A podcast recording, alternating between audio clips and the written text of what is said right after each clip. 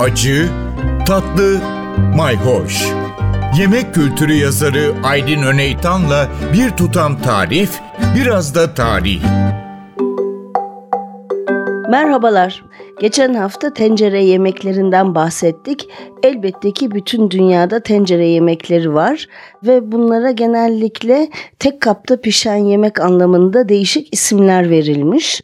Mesela Almanlar Eintopf diyorlar.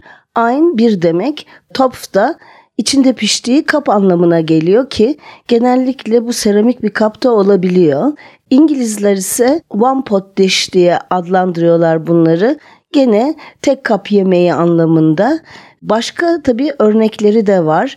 İşte bizdeki yahni benzeri stew adı da veriliyor. E, fakat Fransızların mesela bir yemeği var ki bizdeki haşlamayla tamamen birebir aynı neredeyse.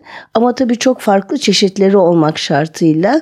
O da pot feu, ateşe oturtulmuş kap anlamına yani ateşteki kap anlamına usul usul ateşte pişen bir yemek anlamında. Bunun içinde mutlaka bir et cinsi var, bir protein var ve çeşitli sebzeler var. Suyu ayrıca çorba gibi içilebiliyor. Bir anlamda bizim haşlamanın suyunun da içilebildiği gibi ama biz ayrı ayrı servis yapmayız. Hepsi tek kap içindedir. Sebzeleri ayrı yeniyor, eti ayrı yeniyor. Bizde ise haşlama esnaf lokantalarının göz bebeğidir. Gerçekten aslında bir tek haşlama ısmarlarsınız. İçinde eti de vardır, patatesi, havucu da vardır. Adeta şeffaflaşmış minik arpacık soğanları olabilir. Suyunu da çorba gibi içersiniz. Tam böyle soğuk kış günlerinde içinizi ısıtır. Fransızların pot au feu'sü varsa Avusturyalıların ise Tafelspitz diye bir yemeği var.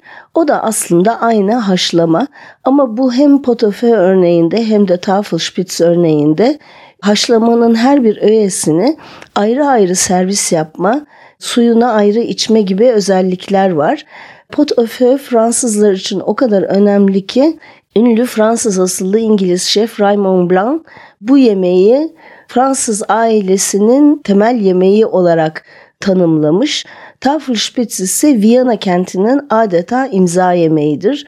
Tabii İtalyanlar da geri kalmıyor. Özellikle Torino'da Bollito Misto vardır.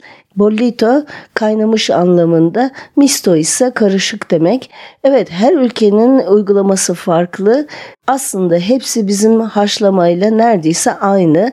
Uygulamalarda değişiklikler var. Evet haşlamalar dünyasında bu hafta geziniyoruz. Hem sağlıklı hem lezzetli. Takipte kalın, hoşça kalın. Bir tutam tarih, biraz da tarif.